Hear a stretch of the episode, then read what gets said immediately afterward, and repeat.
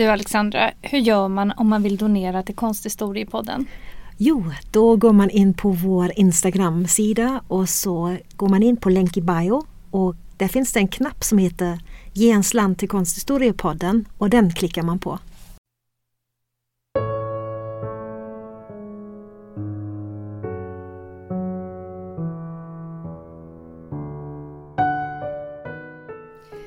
Hej och välkomna till Konsthistoriepodden. Jag heter Alexandra Frid. Och jag heter Alexandra Härlitz och idag ska vi prata om en skulpturgrupp som räknas till en av de mest fascinerande i konsthistorien.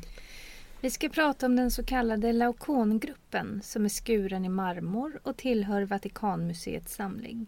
Den är 208 cm hög och 163 cm bred och har ett djup på 112 cm. Skulpturgruppen brukar dateras någonstans mellan 40 och 20 före år 0. Laokongruppen är en av de mest kända antika skulpturer och den har under de senaste 500 åren ofta blivit föremål för undersökningar och diskussioner kring konst och dess uttryck och ärenden. I dagens avsnitt ska vi prata om verkets proveniens, om myten och den litterära förlagan som skulpturgruppen är skapad efter vi ska prata om upphovsmännen, om verkets mycket osäkra datering och hur verket har tagits emot och värderats efter det återupptäcktes 1506. Skulpturen föreställer en trojansk präst och hans söner och räknas till ett av världens mest inflytelserika och omdiskuterade verk i konsthistorien. Laokongruppen har kopierats och avbildats många gånger genom tiderna. Trots det stora intresse som funnits av forskningen alltså inte någon riktig konsensus om när verket tillkom. Och det kommer vi komma tillbaka till sen. Skulpturgruppen föreställer tre män som är placerade framför ett altare och som blir angripna av två gigantiska ormar. Mannen i mitten föreställer den trojanska prästen Laokon.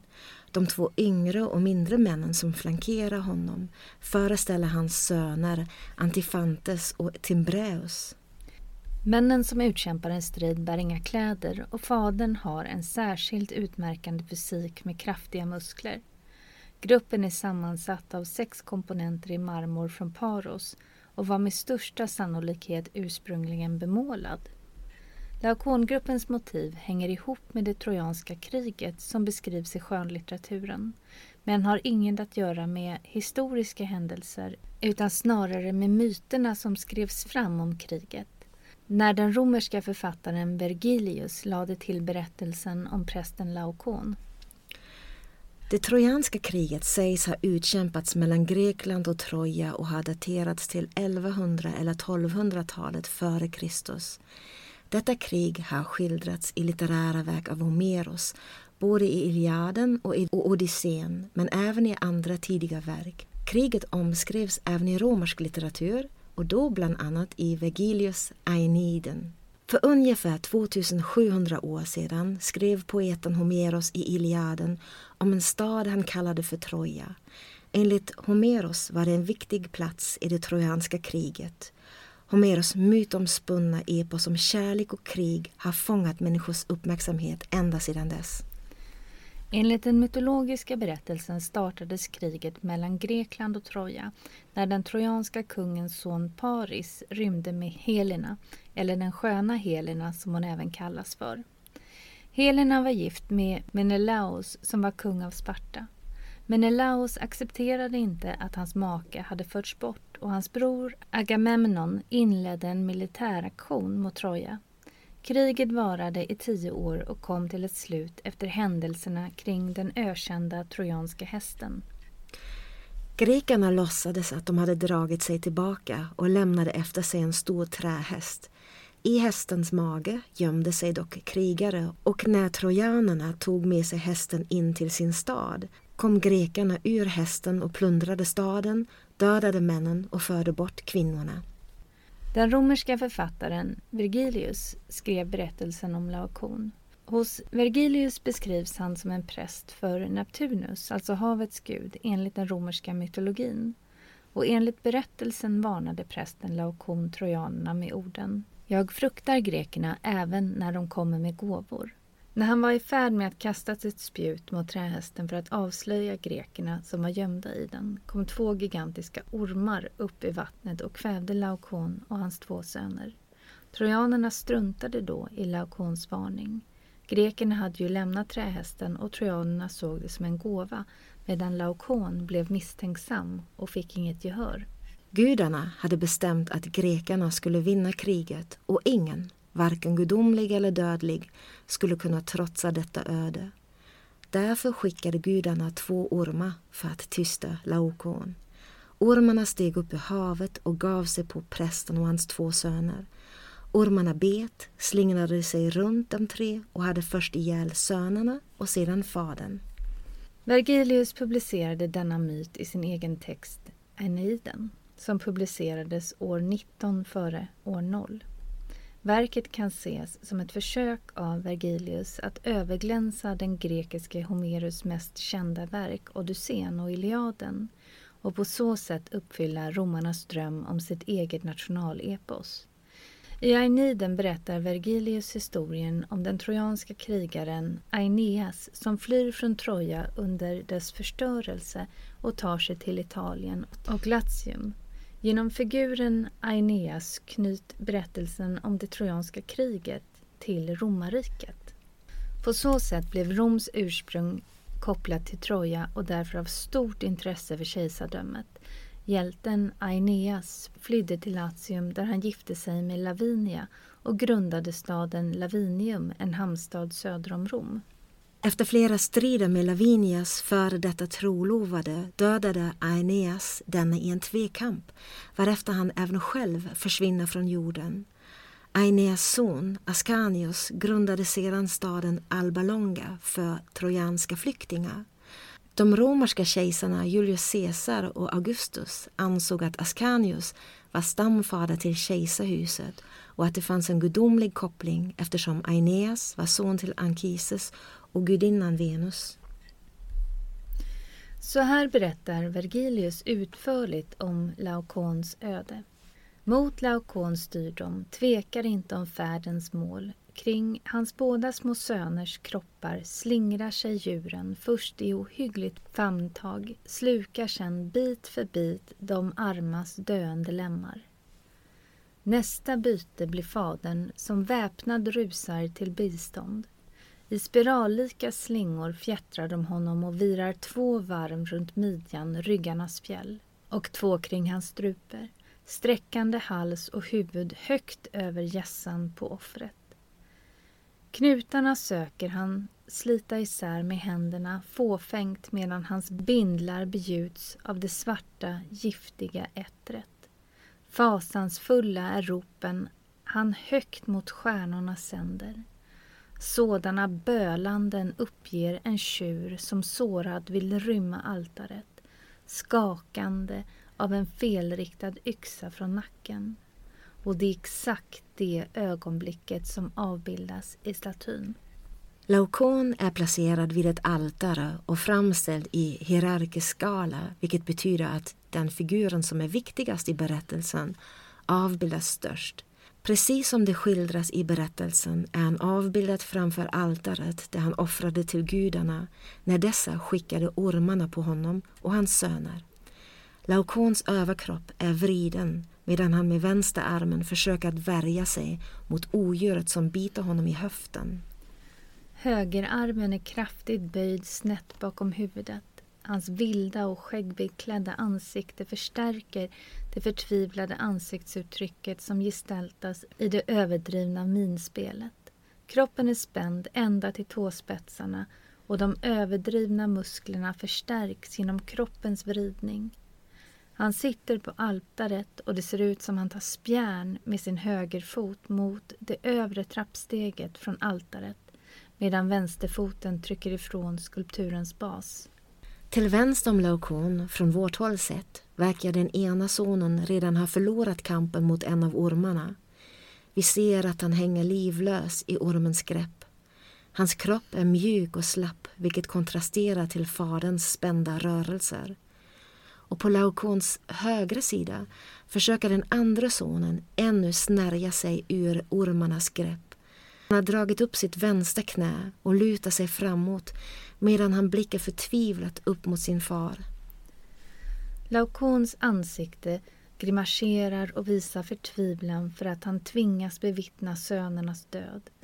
Men i det ögonblick vi får ta del av blir vi även varse om den fysiska kampen, smärtan som han upplever och insikten om sin egen stundande död.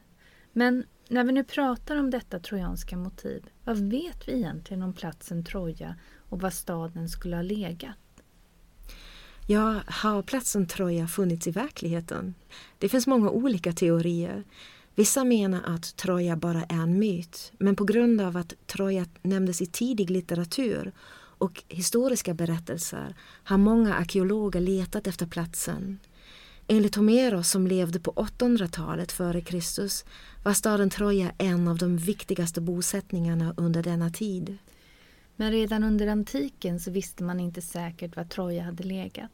Man antog att staden varit belägen i ett område som kallas Troad i nordvästra Turkiet. Troad blev således ett viktigt pilgrimsmål och människor besökte denna plats. På 1800-talet bedrevs forskning av Charles McLaren och Frank Calvert i detta område och de hävdade att de hittat lämningar på en kulle som de ansåg skulle kunna länkas till Troja. Den självlärde arkeologen Heinrich Schliemann var också fascinerad av Troja och att hitta platsen. Också han begav sig till Anatolien, det vill säga till dagens Turkiet. Schliemann anlände till Troad och Hisarlikkullen 1868 för att gräva ut vad han trodde var just platsen för Homeros Troja. Som andra arkeologer vid den här tiden använde han litteraturkällor eller Bibeln för att förankra dem i historien.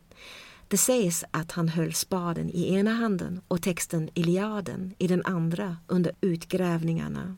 Schliemann var säker på att Iliaden baserade sig på historiska fakta och att man mycket väl kunde hitta dess geografiska plats med hjälp av den litterära förlagan. Det stora genombrottet skulle ske 1870. Det kanske är märkligt för vår tid att man skulle använda en flera tusen år gammal dikt som bevis för att hitta en geografisk plats. Men den tidiga arkeologin och konsthistorien skrevs för första gången fram vid dessa utgrävningar. Arkeologer, historiker och konsthistoriker skrev inte bara fram historien som vi känner till den idag, men man var även motiverad att göra spektakulära fynd som skulle säkra utgrävningens fortsatta finansiella stöd. Schliemans utgrävningar i Hisarlik mellan 1870 och 1890 och fynden fick mycket publicitet. Han grävde fram silver och guldkärl, smycken som han till och med kallade för den sköna Helenas juveler. Han använde fynden som bevis för att det trojanska kriget faktiskt hade utspelat sig just där, men detta har motbevisats i senare forskning. Schliemans utgrävningar fortsatte sedan och på det grekiska fastlandet, särskilt i Mykene som var en av Greklands viktigaste bronsålders bosättningar. Fynden visade att Mykene inte hade kontakt med Schliemans fyndplats förrän tusen år senare än vad han hade beräknat vara tidpunkten för det trojanska kriget. Det är alltså långt senare som Mykene hade kontakt med det Troja man hade funnit. Om vi i alla fall tittar på den plats som idag förknippas med Troja var den ursprungliga staden Troja liten. Med tiden blomstrade bosättningen och växte. Omkring 2550 och 2300 år före år 0 så hade staden kraftiga murar som omgärdade en citadell, en mindre fästning. Staden låg nära Dardanellsundet, vilket är svårt att föreställa sig nu då kustlinjen flyttats eftersom floddeltat slammat igen under de tusentals år som passerat. Hur som helst, stadens geografiska placering gjorde att invånarna kunde bedriva sjöhandel samtidigt som placeringen av sundet bidrog till att skeppen var tvungna att lägga till, vilket gjorde att trojanska varor och tjänster blev eftertraktade. Under bronsåldern verkade det som om Troja som stad växte och att citadellen inhägnades av sluttande murar. Både storleken av citadellen och placeringen av denna visar att Troja var en viktig stad och att dessa utbyggnader utmärker stadens storhetstid. Trojas goda ekonomi byggde inte bara på sjöhandel utan vilade även på den bördiga jordbruksmarken. I Iliaden berättas det om den trojanske prinsen Hektor, hästtämjaren, vilket har bidragit till att forskare funderat på ifall hästuppfödning var en källa till Trojas välstånd. I utgrävningar har man hittat en mängd djurskelett som visar att det fanns häst och fåruppfödning. Senare forskning tyder på att textilproduktion och export varit viktiga för ekonomin i Troja. Även om staden verkar ha varit viktig i området var staden oviktig i världshandeln. Troja nämns i uppteckningar från hetiterna, men då under Homerus andra namn för Troja, Velusa. Homerus kallar Troja för Velusa och för Ilion. Belusa var då en liten vasallstat, det vill säga en stat utan självständighet i det hittitiska riket Anatolien. Men Trojas placering är långt ifrån huvudstaden av det hittitiska riket och staden var alltså antagligen ganska oviktig. Hetitiska lertavlor omnämner att hetiterna stred med folket Ahiava om Velusa, något som skulle kunna tolkas som att det var det trojanska kriget. I de här lertavlorna nämns även en härskare vid namn Alexandro eller Alexandros. Alexandros skulle kunna vara den trojanska prinsen Paris i Homeros dikt. Dessa sammanträffanden har tolkats som bevis för att det trojanska kriget verkligen har ägt rum. Hur som helst, Homeros var inte historiker utan poet och det går inte att koppla ihop Iliaden med Trojas arkeologi eller historia. Ur ett arkeologiskt perspektiv finns det en rik historia men den måste ses helt separat från myten om det trojanska kriget. Fortfarande så är ändå historien och myten ihoptvinnade och kan inte skiljas på enkelt. Forskare är numera ganska säkra på att platsen som Schliemann pekade ut är den rätta platsen för Troja, även om det inte finns några belägg för att något trojanskt krig någonsin utkämpats där, eller överhuvudtaget. Under 1700 och 1800-talet skulle man kunna dela upp synen på antiken och litterära verk i två skolor. Den ena var realistiska tänkare som trodde att historien om Troja var baserad på historisk sanning. Den andra skolan hävdade att Troja var en ihopdrömd plats av Homeros poetiska fantasi och skulle aldrig kunna hittas. Men tillbaka till antiken. I Rom var krigsberättelser, inte minst från det trojanska kriget, populära och myterna kopplade romarna till historien och gav deras kultur och militära strategier legitimitet. Som vi nämnde tidigare så ville de romerska kejsarna gärna kunna bevisa släktband med förfäder i Troja och kejsaren Julius Caesar hävdade kunna följa sina släktled tillbaka till den trojanska krigaren Aeneas. Romarna var konnässörer och stora samlare av grekisk konst. De erövrade grekiska territorier, importerade mängder av grekisk konst till Rom. De plundrade hem, officiella byggnader och helgedomar. De ställde ut den grekiska konsten i de romerska hemmen och på offentliga platser så att deras användning var så långt ifrån skulpturernas ursprungliga syften. Men dessa konstverk blev symboler för rikedom och utbildning det vill säga statusmarkörer för deras nya ägare. Romarna beställde kopior av grekiska skulpturer men även nya kompositioner som var baserade på grekiska originalmotiv.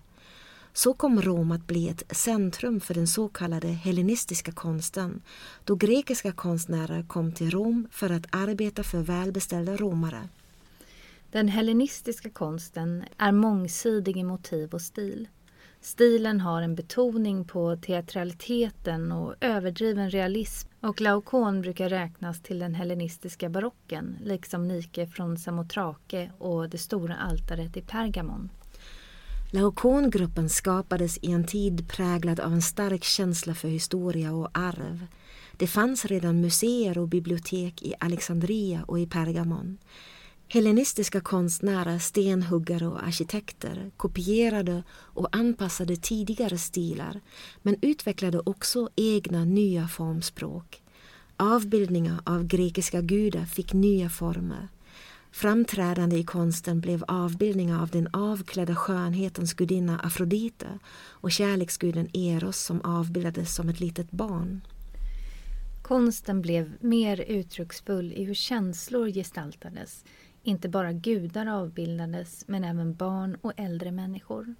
Det var också under den här perioden som romarna blev de viktigaste samlarna av hellenistisk konst och skulptur. De inredde sina officiella byggnader och villor med grekiska skulpturer efter intresse och smak. Rom blev ett centrum för hellenistisk konstproduktion under århundradet före Kristus. Den hellenistiska perioden avslutas 31 före år 0 i och med slaget i Actium där kejsar Augustus besegrade Marcus Antonius flotta.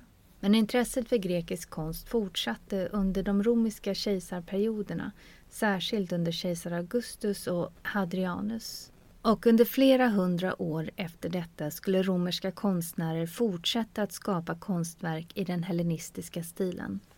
Och då är vi tillbaka vid Laokongruppen.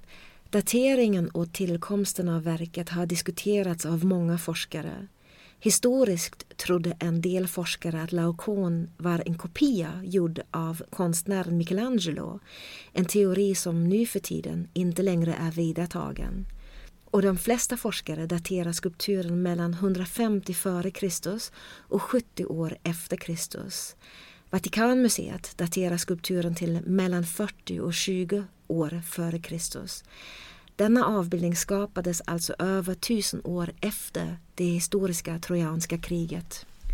När det gäller Laokongruppen finns ingen motsvarighet i konsten att jämföra med och gruppen skiljer sig något från berättelsen i Vergilius text. Vergilius beskriver hur båda sönerna dödas medan vi ser i skulpturgruppen så verkar den äldre sonen kunna göra sig fri just så som har beskrivits i tidigare grekiska versioner från 500-talet före år 0. Laokongruppen i marmor är antagligen i sin tur en kopia av en tidigare bronsstaty från Pergameneskolan som är daterad till ungefär 140 år före Kristus men som är förlorad. Forskningen menar att marmorskulpturen tillverkades på Rhodos innan den exporterades till Rom. Sedan finns det andra forskare som menar att marmorstatyn i Rom är en kopia av ett grekiskt original från 200-talet före Kristus. Den nyaste forskningen har daterat Laokongruppen som finns i Vatikanmuseet till en ännu senare tidpunkt, nämligen till kejsar Augustus tid, vilket placerar den alltså till ungefär 40 till 20 år före Kristus. Skulpturgruppen är i alla fall utförd i en stil som har hämtats från tidigare verk. Laokongruppen har en intressant proveniens. Den nämns för första gången i Plinius den äldres publikation Naturalis Historia från 77 efter år 0. Och det är ovanligt att ett konstverk är omnämnt i en skriftlig källa så tidigt som denna. Men denna encyklopedi ämnade att samla ihop all känd kunskap i en publikation. Plinius den äldre ansåg att skulpturen var överlägsen alla andra konstverk och höjde den till skyarna. I sin omnämning menade Plinius felaktigt att verket var tillverkat från ett marmorblock. Trots att detta inte stämmer in på Laokongruppen finns det en generell konsensus att Laokon är samma skulptur som Plinius den äldre nämner det är utifrån Plinius den äldres beskrivning av verket som man kan identifiera Laokongruppen och denna skulpturgrupp placerar Plinius i den tillträdande kejsaren Titus hem där han hade sett den. I sin diskussion av Laokongruppen attribuerade Plinius den äldre skulpturgruppen till Hagisandros, Polydoros och Athenodoros från Rhodos. Dessa tre stenhuggare var antagligen aktiva på Rhodos och sedan i Romområdet. De kan dessutom kopplas ihop med andra skulpturgrupper från tiden 40 till 20 år före Kristus. Det mest kända verk som man kan tillskriva dessa stenhuggare är en skulpturgrupp som finns i Tiberius grotta i Sperlonga som ligger mellan Rom och Neapel. Här hade kejsare Tiberius en grotta för middagar och underhållning och denna var inredd med monumentala marmorstatyer. I en inristning på en av skulpturerna i Spelånga som föreställer Odysseus med ett sjömonster kan man läsa namnen Hagisandros, Athenadoros och Polydoros. I alla bevarade skulpturer av dessa tre stenhuggare kan man avläsa samma dramatiska, realistiska stil som i Laokon. I senare forskning har man diskuterat huruvida Laokongruppen och skulpturgruppen i Sperlonga beställdes specifikt för Tiberius grott och Titus palats eller om de tillverkades tidigare och flyttades dit. Hur som helst föll den dramatiska hellenistiska stilen den romerska kejsaren och överklassen i smaken. Laokongruppen återupptäcktes i januari 1506 på Felice de Fredis vingård som var belägen på Esquilinen i Rom nära Colosseum.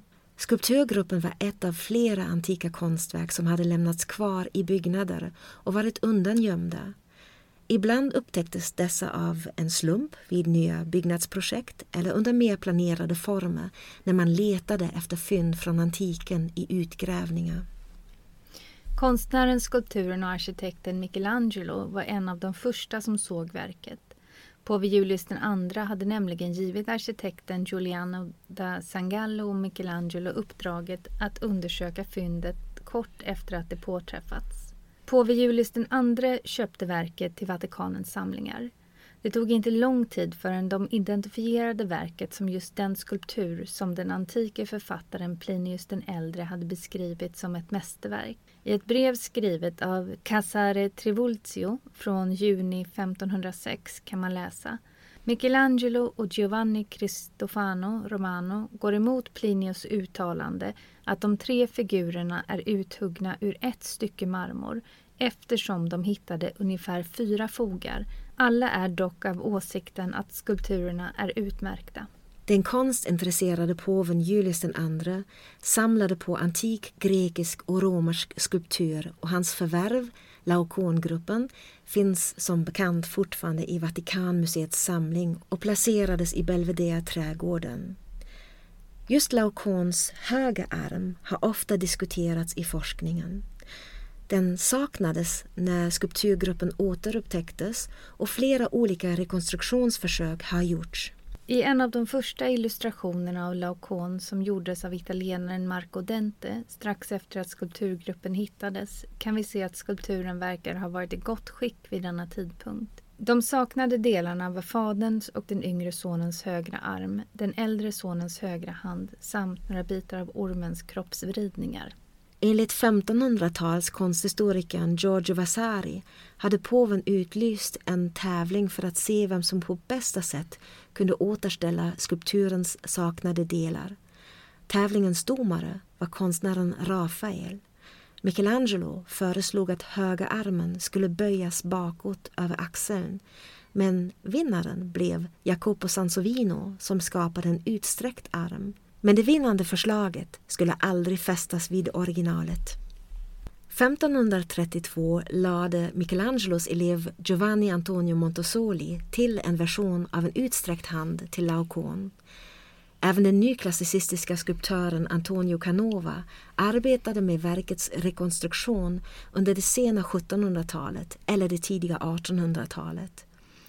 I juli 1798 förde man efter den franska erövringen av Italien Laocoon-gruppen utan de restaurerade delarna till Frankrike.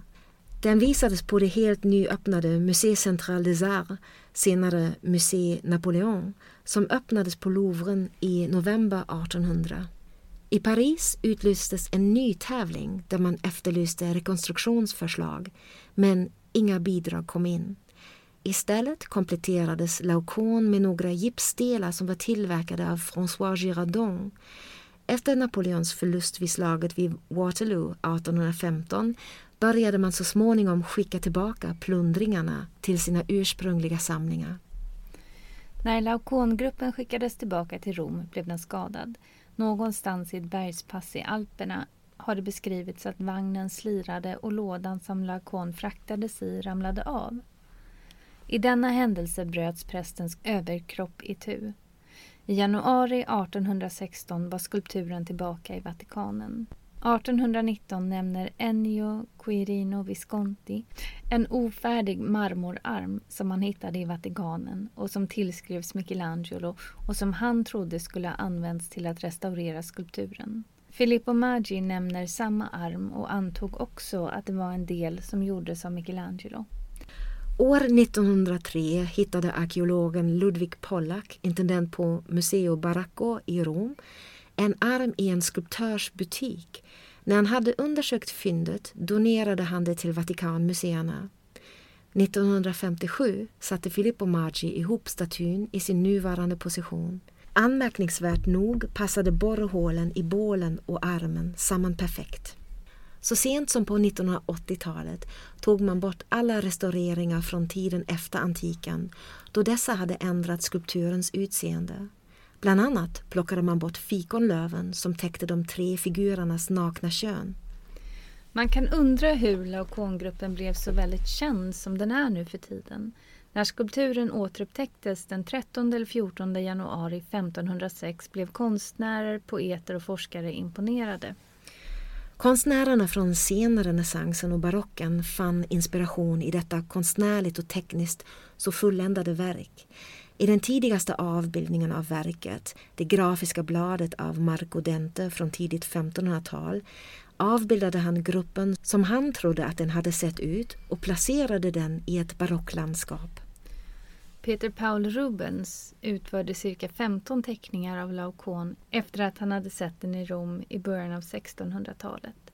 Han avbildade hela gruppen såväl som flera detaljer. Det förefaller som han var fascinerad av den ena sonen och Laocoons muskulösa kropp som han ritade från alla håll med ett särskilt intresse för skulpturen bakifrån. Rubens fångade faderns desperata dödskamp och den yngre sonens uppgivenhet såväl som spänningen och ångesten som den våldsamma scenen framkallade hos Laokon och sönerna. Under nyklassicismen, alltså det sena 1700-talet, fick Laocoon-gruppen en helt ny publicitet. Genom arkeologiska utgrävningar i Herculaneum 1738 och i Pompeji 1748 började man få större kunskap om den romerska antika konsten. Samtidigt började man uppmärksamma antika grekiska tempelruiner i södra Italien, till exempel i Syrakus. Utgrävningarna och de nya fynden bevakades med stort intresse över hela Europa. Många började resa till Grekland och Italien för att studera de bevarade konstverken och arkitekturen från antiken och så småningom hittade man förebilder och inspiration för den egna samtidens konst och arkitektur i alla dessa antika konstverk och ruiner. Denna nytappning av antiken under 1700-talet kom att kallas för nyklassicismen, ett nytt formspråk baserat på de klassiska formerna från antiken. En av dem som bevakade utgrävningarna av den antika konsten med stort intresse var Johann Joachim Winkelmann. Winkelmann var en tysk arkeolog, bibliotekarie, antikvarie och konstskribent under upplysningstiden och han sägs också vara en av upphovsmännen av den vetenskapliga arkeologin och konstvetenskapen. Winkelmann flyttade 1755 till Rom och gjorde många resor genom Italien då han bland annat besökte Neapel och Pompeji och samlade material för sina skrifter. Samma år utgav han sin första skrift Gedanken über die Nachahmung der griechischen Werke in der Malerei und Bildhauerkunst vilket översätts med tankar om imitationen av de grekiska verken inom måleriet och skulpturen. Denna skrift blev så snabbt så populär att den kom i en ny upplaga redan året därpå, 1756. Då blev den tryckt med ett förklarande tillägg denna tilläggspublikation skapade då ännu större popularitet av Winkelmans tankar i hela Europa. Hans publikationer innehåller många av tankarna om den klassiska antika konsten som spred sig och blev snabbt allmängiltiga. Mycket av hans argumentation för att den grekiska konsten var den vackraste byggde på skulpturens vita marmoryta. Därför kom han att framhäva antikens rena vithet under nyklassicismen. Men Winkelmann hade inte den kunskap som vi har nu för tiden. Han visste inte att den grekiska antikens skulptur och arkitektur var bemålade. Han tyckte att det var framförallt i bevarade skulpturer från antiken som vi fortfarande kan uppleva den högre formen av skönhet, en harmonisk enhet av den yttre sinnliga och den inre ideala skönheten som de grekiska konstnärerna alltid eftersträvade. Winkelmann var också av uppfattningen att samtida konstnärer på 1700-talet borde eftersträva just ett sådant uttryck för Winkelmann var konstens viktigaste uppgift att framställa skönhet, den ideala skönheten som man upplevde i antikens konst. Han skrev även utförligt om Laokongruppen och skrev verkligen fram den så att den fick en mycket större publicitet än vad den hade haft tidigare. Han skrev att Laokonskulpturen sågs på samma sätt av den romerska antikens konstnärer som av hans samtid. Enligt Winkelmann följer Laokon konstens alla regler för fullkomlighet och den äger precis de excellenta kvaliteterna som utmärkte just de grekiska mästerverken. En ädel enkelhet och en stilla storhet såväl i hållningen som i uttryck. Så som havets djup alltid förblir lugnt, även om havets yta kan vara rasande, så visar sig enligt Winkelmann även i de grekiska antika figurerna en stor och måttfull själ trots all passion. Denna själ visar sig i Laokons ansikte och inte bara där, i hans intensiva lidande. Winkelmann skrev Smärtan som hittar till kroppens alla muskler och senor och som man tror sig känna själv när man bara tittar på hans smärtsamt indragna underkropp utan att ens titta på ansiktet eller skulpturens alla andra delar. Enligt Winkelmann visar sig denna smärta inte med någon ilska alls i hans ansikte eller i hela hans kroppshållning. Winkelmann skriver, han skriker inte så som Vergilius skrev om Lacan. Hans muns öppning tillåter inte det. Det är mycket mer ett ängsligt och betryckt andetag. Kroppens smärta och själens storhet är med samma styrka fördelade och harmoniskt avvägda i hela figurens uppbyggnad. Men han lider, hans elände rör oss i själen. Men vi önskar att vi skulle kunna ta eländet som denna stora man. Så skriver Winkelmann.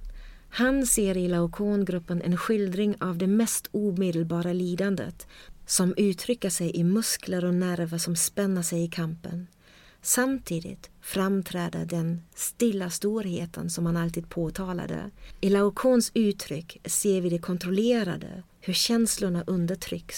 Genom Winkelmans skrifter kom tanken om Laokon spridas och många andra författare skrev om skulpturgruppen såsom Gotthold Ephraim Lessing och Johann Wolfgang von Goethe.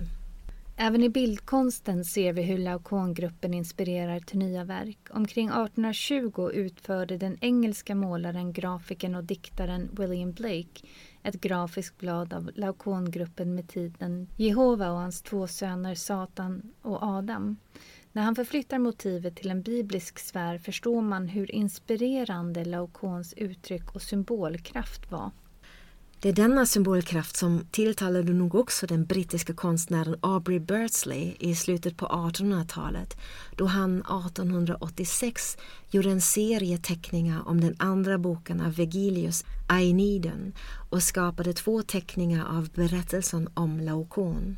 Det skulle spränga ramarna för detta poddavsnitt och att berätta om alla konstnärer och författare som har skapat och skrivit med Laokon som motiv.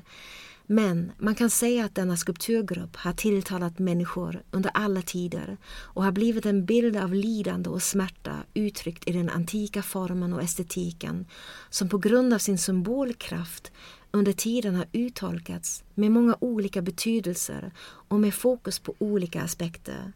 Men själva formen och uttrycket bär nog många med sig som minnesbild, helt oavsett tolkningen.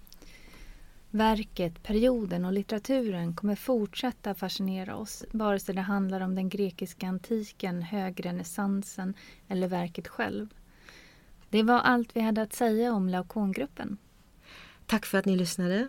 Nästa avsnitt kommer om ungefär en månad. Men vad det blir då, det får ni se då. Hej då! Hej då!